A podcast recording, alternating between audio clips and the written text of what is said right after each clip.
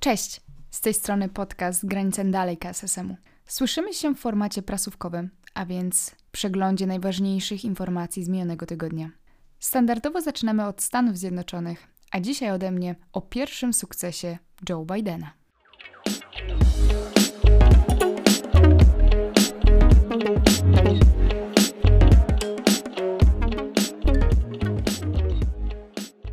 Na chwilę przed wyborami w USA mówiłam o takich planach Bidena w pigułce, to znaczy jego priorytetach na pierwszą kadencję. To jest przede wszystkim poluzowanie polityki imigracyjnej, działania na rzecz równości w kraju, koordynacja polityki medycznej w zakresie walki z COVID-19, dalej przeciwdziałanie zmianom klimatycznym i w końcu coś, o czym dzisiaj będę mówić trochę więcej, a mianowicie o pomocy gospodarczej dla kraju po lockdownie. Już podczas kampanii wyborczej Biden mówił o ogromnym kryzysie na horyzoncie, o tym, że przedsiębiorcy, jak i przeciętni Amerykanie nie mogą zostać bez pomocy państwa. I o ile co do pomocy rządu dla Amerykanów była pełna zgoda, to na linii demokraci i republikanie powstał spór o kształt tej pomocy, a mianowicie o wielkość funduszy. Jak wszyscy wiemy, wybory wygrał Biden. Pamiętnego 6 stycznia odbyły się wybory uzupełniające do Senatu. Dzięki nim Senat wygląda dzisiaj w kształcie 50 miejsc dla republikanów, 50 dla demokratów, plus przeważający głos spikerki pochodzącej z Partii Demokratycznej, czyli niebiescy w Senacie mają większość. I w takim kształcie w ten weekend Senat przegłosował niesamowicie wielką i niesamowicie ważną ustawę, a tak właściwie to pakiet gospodarczy wart prawie 2 biliony dolarów. I słuchajcie teraz. Ustawa przewiduje wypłatę jednorazowej zapomogi w wysokości 1400 dolarów dla wszystkich Amerykanów, którzy zarabiają poniżej 75 tysięcy dolarów rocznie. Co więcej, na mocy tej ustawy do września przedłużone zostanie również wypłacanie dodatkowych świadczeń dla bezrobotnych, które zgodnie z poprzednimi pakietami pomocowymi miały skończyć się 15 marca. Do tego, mając na uwadze, że przez COVID, a właściwie przez zamknięcie gospodarki, pracę straciło 9,5 miliona osób, to każda z nich dostanie 300 dolarów tygodniowo. Około 350 miliardów dolarów pomocy trafi również do władz stanowych i samorządowych. I dlaczego w ogóle ta ustawa jest ważna? Dlatego, że po pierwsze, ten pakiet gospodarczy jest niesamowicie ogromny. Ma wartość około 10% amerykańskiego PKB i w konsekwencji jest to jeden z największych tego typu państwowych projektów w historii USA. Po drugie, to pierwszy tak namacalny i wyraźny sukces legislacyjny Bidena od czasu objęcia przez niego urzędu prezydenta. Jednak nie przyszedł on tak łatwo, jak mogłoby się wydawać. Obrady nad tym pakietem trwały 12 godzin. Co istotne, napięcia nie były tylko na linii republikanie-demokraci, ale także w samej partii demokratycznej. Kością niezgody był ten zapis o pomocy dla bezrobotnych. Spory toczyły się pomiędzy super progresywną lewicą, a tą umiarkowaną, bo pierwotnie pomoc dla bezrobotnych tygodniowo miała wynosić 400 dolarów. Ale osiągnięto kompromis i zdecydowano się na 300. Na to wszystko nałóżcie spory z republikanami. Po pierwsze, republikanie chcieli dużo mniejszego pakietu pomocowego. Po drugie, mam wrażenie, że teraz w grę wchodzą zupełnie typowo polityczne rozgrywki, bo republikanie byli dużo bardziej chętni do głosowania nad pomocą dla Amerykanów, kiedy prezydentem był Trump. Teraz zmienili zdanie i chcą dużo ostrożniejszej polityki fiskalnej. Dość powiedzieć, że za przyjęciem pakietu opowiedziało się w Senacie 50 demokratów, przeciw było 49 republikanów. Dzięki, to tyle ode mnie. Oddaję głos. Strzałeczka.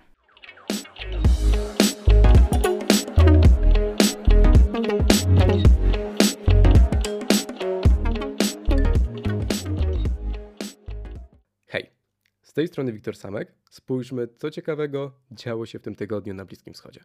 I wydaje mi się, że jeśli mówimy już o ciekawych wydarzeniach mijającego tygodnia, to bez wątpienia nie można pominąć jednego niezwykłego widoku, jakim był papież na Bliskim Wschodzie. I już samo to wydawałoby się niesamowite. Głowa Kościoła katolickiego pojawia się w świecie islamu. No, coś takiego nie zdarza się często, ale jeszcze ciekawiej zaczyna się robić, kiedy spojrzymy na konkretne miejsce papieskiej wizyty, czyli na Irak. I jeśli do tej pory nie kojarzyliście Iraku z chrześcijaństwem, to w zasadzie nie ma w tym nic dziwnego. Po pierwsze, dlatego, że jest to fakt dość mało oczywisty i może wymykać się naszej uwadze w codziennym morzu informacji. A po drugie, dlatego, że Irak rzeczywiście coraz bardziej traci chrześcijański komponent swojego społeczeństwa. Zacznijmy więc od początku. Chrześcijanie są obecni w Iraku w zasadzie od zawsze. Oczywiście licząc od momentu, w którym narodziło się samo chrześcijaństwo. I z różnym szczęściem byli w stanie przez setki lat zaznaczyć swoją obecność na tym terenie. Przeżyli kolejnych władców muzułmańskich, przeżyli Europejczyków, przeżyli samego Saddama Husseina. Nie byli jednak w stanie przetrwać Amerykanów. I jest to oczywiście spore uproszczenie, które po prostu dobrze brzmi, więc mam nadzieję, że jakoś mnie wybaczycie. Jednak rzeczywiście faktem pozostaje, że od momentu amerykańskiej inwazji w 2003 roku populacja chrześcijan w Iraku zmniejszyła się o ponad milion osób spadając do poziomu 300 tysięcy, przy czym nawet te dane wielu badaczy ocenia jako przeszacowane.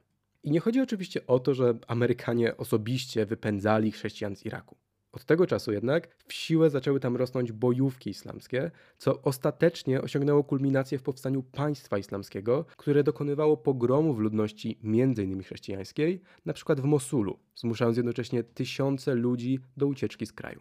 Oczywiście znowu jest to ogromne uproszczenie, więc czuję się w obowiązku, żeby to zaznaczyć, ale no niestety nie mamy w tym momencie czasu na zagłębianie się we wszystkie złożoności tematu. Wróćmy więc może do czasów współczesnych, no i oczywiście do papieża.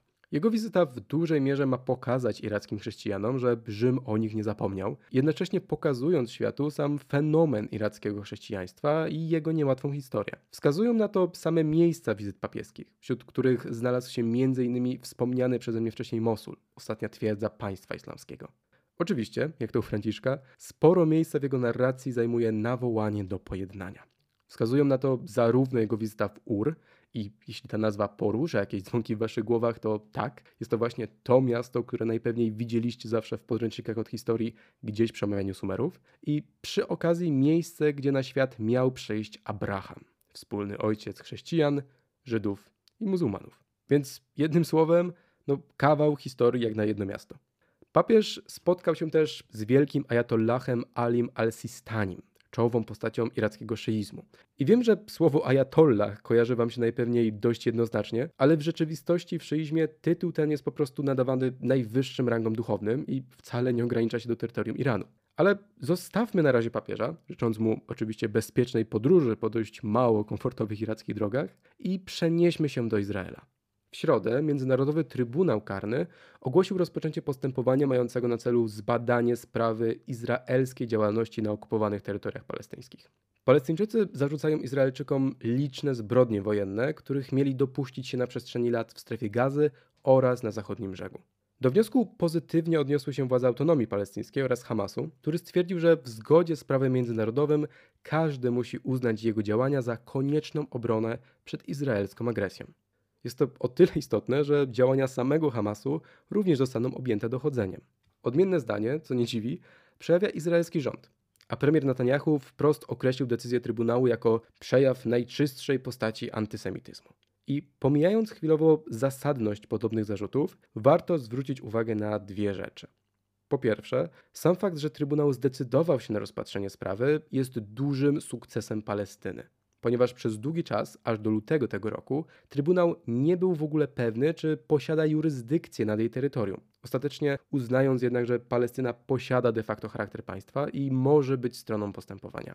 Po drugie, ciekawa jest reakcja Stanów Zjednoczonych. Zarówno Kamala Harris w swojej rozmowie z Netanyahu, jak i Antony Blinken w oświadczeniu opublikowanym na Twitterze zdecydowanie wsparli Bibiego i zapewnili o braku poparcia Stanów dla podnoszenia sprawy izraelsko-palestyńskiej w ramach ICC. Z jednej strony nie powinno to dziwić nikogo, kto znał dotychczasowy stosunek Amerykanów do samej instytucji Międzynarodowego Trybunału Karnego. Przypominam, że Stany nie podpisały nawet traktatów rzymskich konstytuujących tę instytucję. Z drugiej strony jednak odrobinę godzi to w wizerunek administracji Bidena jako egidy, pod którą znajdą schronienie wszyscy pokrzywdzeni świata. Obniżanie prestiżu ICC przypomina raczej czasy Trumpa i Pompeo, gdzie ten ostatni wprost nazwał Trybunał, cytuję, upolitycznioną instytucją podszywającą się jedynie pod sąd. a przynajmniej przypomina je zdecydowanie bardziej niż czasy prezydentury Obamy, który w pewnym stopniu był gotowy do współpracy z Trybunałem. Pomijając to, na ile faktycznie wynik śledztwa może wpłynąć na sytuację w Palestynie, bo chyba nikt nie spodziewa się, że rozwiąże on trzymający się dobrze od wieku, a może i dłużej konflikt izraelsko-arabski, to trzeba przyznać, że może potencjalnie stać się ciosem dla izraelskiej polityki. Izrael od dłuższego czasu stara się ułożyć swoje relacje z sąsiadami. W tym tygodniu Benny Gantz, czyli izraelski minister obrony, wspominał nawet o pewnym porozumieniu wojskowym z państwami Zatoki, które miałoby szachować Iran. Natomiast wypływający co chwilę temat Palestyny zdecydowanie temu nie służy. Wszystko wskazuje więc na to, że mimo błyskawicznego tempa szczepień i sukcesów w polityce zagranicznej, Bibi dalej nie uwolnił się od nierozwiązanych problemów w samym Izraelu. I to wszystko, co mam dla Was w tym tygodniu. Także trzymajcie się i do usłyszenia już za tydzień.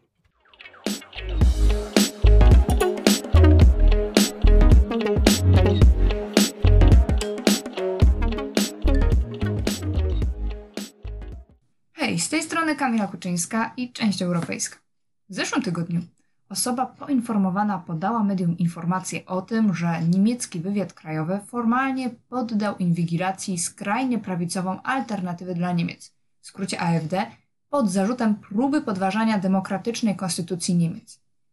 AfD cztery lata temu została pierwszą partią jawnie antyimigrancką, która weszła do niemieckiego parlamentu, a teraz staje się pierwszą partią monitorowaną w ten sposób od zakończenia nazizmu w 1945 roku. Posunięcie Federalnego Urzędu Ochrony Konstytucji, czyli BFW, następuje po dwuletnim przeglądzie platformy politycznej AfD i pozwoli agencji na podsłuchiwanie rozmów z udziałem członków AfD oraz kontrolę finansowania partii. Aleksander Gauland, przewodniczący frakcji parlamentarnej AfD, podsumował sytuację. Program jest jasny. Najpierw mamy sprawę do zbadania, teraz jesteśmy sprawą podejrzaną i jesteśmy pod obserwacją, a w pewnym momencie pojawi się prośba o zakazanie naszej partii. Członkowie AfD twierdzą, że dowiedzieli się o decyzji z doniesień mediów i oskarżyli BFW o próbę nadszarpnięcia ich szans we wrześniowych wyborach krajowych. Jörg Meuthen, jeden ze współprzewodniczących, stworzył rozłam, argumentując, że AfD musi wydalić członków podejrzanych o sympatyzowanie ze skrajnie prawicowymi grupami, które opowiadają się za przemocą, aby zwiększyć swoją atrakcyjność. BFW sugeruje, że nadzór będzie na razie ograniczony do członków partii niższego szczebla. Nie było jednak żadnego oficjalnego oświadczenia, więc zakłada się, że BFW nie może oficjalnie ogłosić decyzji z powodu trwającego sporu prawnego. Ministerstwo Spraw Wewnętrznych, które nadzoruje BFW, oświadczyło, że nie potwierdzi ani nie zaprzeczy doniesieniom. Sąd w Kolonii w zeszłym tygodniu odrzucił pilny wniosek AfD o powstrzymanie BFW przed poddaniem go formalnemu postępowaniu wyjaśniającemu. Partia stwierdziła, że każde ogłoszenie, że jest badana, podważy jej prawo do walki w wyborach na równych prawach z innymi partiami politycznymi. W odpowiedzi BFW oświadczyło, że nie ogłosi żadnych formalnych informacji o dochodzeniach w sprawie AfD, wdającej się przewidzieć przyszłości i oświadczenie to dotyczy też kandydatów startujących w wyborach w 2021 roku. Sąd w Kolonii stwierdził, że ponieważ BFW potwierdziło, że odłoży jakiekolwiek publiczne ogłoszenie w tej sprawie, wniosek AfD jest zbędny. Współprzewodniczący AfD, Tino Kruppalla, oskarżył BFW o wyciek informacji do mediów, a wydarzenie określił jako skandaliczną próbę wpłynięcia na opinię o partii. Nie jest to pierwszy raz, kiedy dyskutowana jest ewentualna delegalizacja partii jako zagrożenia dla demokracji.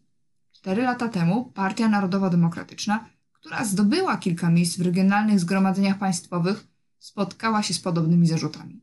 Trybunał Konstytucyjny orzekł wtedy, że chociaż partia przypomina NSDAP, to jest jednak zbyt słaba, by zagrozić demokracji. To nie jest jedyna istotna informacja, która wiąże się z wyborami. Chociaż Niemcy wystawili w zeszłym roku swoim przywódcom, a zwłaszcza Angeli Merkel, wysokie oceny za sposób, w jaki poradzili sobie z kryzysem, nastroje społeczne zmieniły się wskutek przedłużenia blokady i przedłużającego się procesu wprowadzania szczepionek.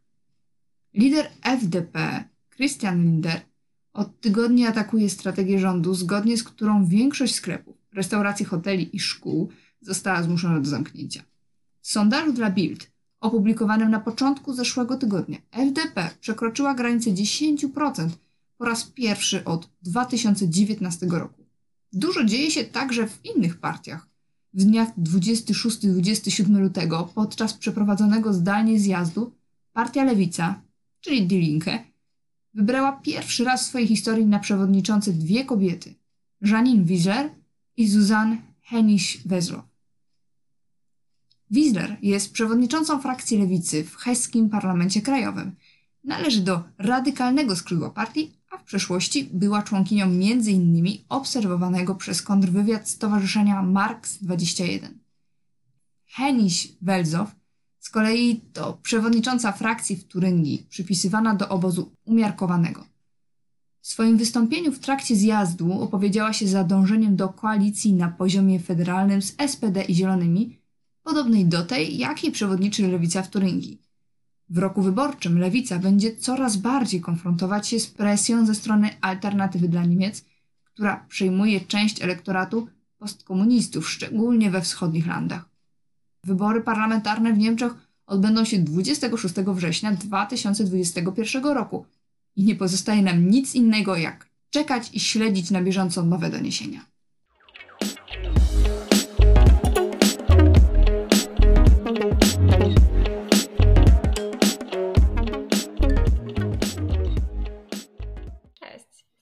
Karolina, zapraszam na cotygodniową porcję wiadomości z Dalekiego Wschodu. E, tym razem zaczynamy od Chin. W czwartek, podczas swojego wystąpienia na 14. Zgromadzeniu Narodowego Kongresu Ludu, przewodniczący Xi Jinping podsumował osiągnięcia strategii rozwoju militarnego, która była wprowadzana w Chinach od 2006 roku. Xi odniósł się również do kolejnego planu pięcioletniego, który będzie realizowany w latach 2021-2025 a jego ważnym punktem będzie rozwój chińskich sił zbrojnych oraz potencjału militarnego. W ramach przewidzianego planu do 2025 roku Chiny mają znacznie zwiększyć wielkość swoich sił zbrojnych, a także wprowadzić wiele rozwiązań, które są związane z osiągnięciami nauki oraz technologii. Znaczna automatyzacja sił zbrojnych ma pomóc w utrzymaniu bezpieczeństwa wewnętrznego co wydaje się tym ważniejsze, że Chiny są obecnie jednym z bardzo najmniejszych krajów świata i jedynym spośród e, prowadzących wielowektorową politykę międzynarodową wielkich mocarstw, które wydają więcej funduszy na utrzymanie bezpieczeństwa wewnętrznego niż na zbrojenia o znaczeniu międzynarodowym.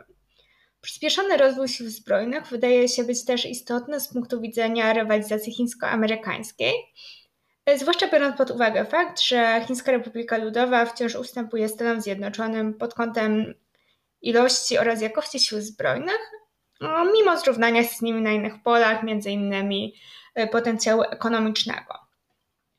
E, chińskie ambicje sięgają zresztą znacznie dalej, o czym może świadczyć e, zapowiedziana we wtorek budowa stacji kosmicznej, która będzie umiejscowiona na orbicie Księżyca.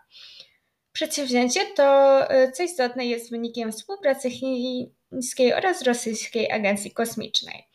Y, według oficjalnego oświadczenia dyrektora rosyjskiej agencji kosmicznej Dmitriego Rogozina, stacja będzie dostępna dla wszystkich krajów świata, a jej najważniejszym celem jest służenie rozwojowi całej ludzkości oraz rozwojowi nauki.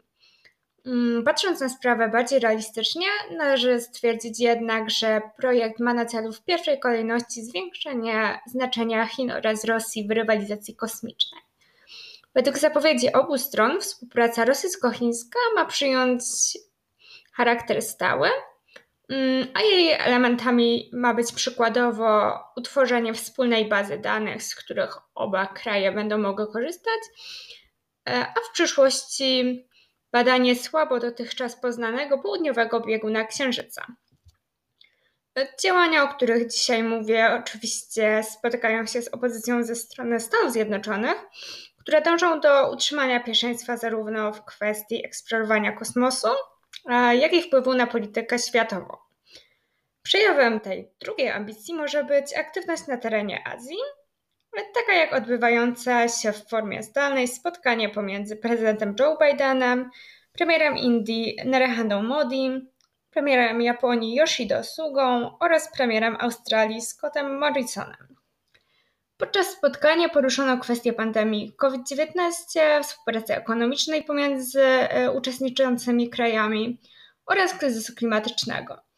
Innym ważnym elementem e, rozmów były również problemy regionalne, na czele oczywiście z ambicjami chińskimi e, na obszarze Indo-Pacyfiku. Spotkanie należy uznać za ważne, ponieważ była to pierwsza łączona konferencja państw regionu, które są uznawane za e, najistotniejszych strategicznie sojuszników Stanów Zjednoczonych w regionie, na którym był obecnie również prezydent Biden. Zapowiedziano również, że prace w tym samym gronie będą regularnie kontynuowane. Mm, cała konferencja została przez wiele chińskich mediów oraz chińskich przedstawicieli określona jako mm, spotkanie krajów, które dążą do utworzenia bloku antychińskiego e, oraz wyraz ingerencji e, Stanów Zjednoczonych w regionalne sprawy Azji Wschodniej. Mm, na dzisiaj to wszystko. O dalszych przejawach rywalizacji na tym strategicznym obszarze będziemy oczywiście informować na bieżąco. Dziękuję za uwagę.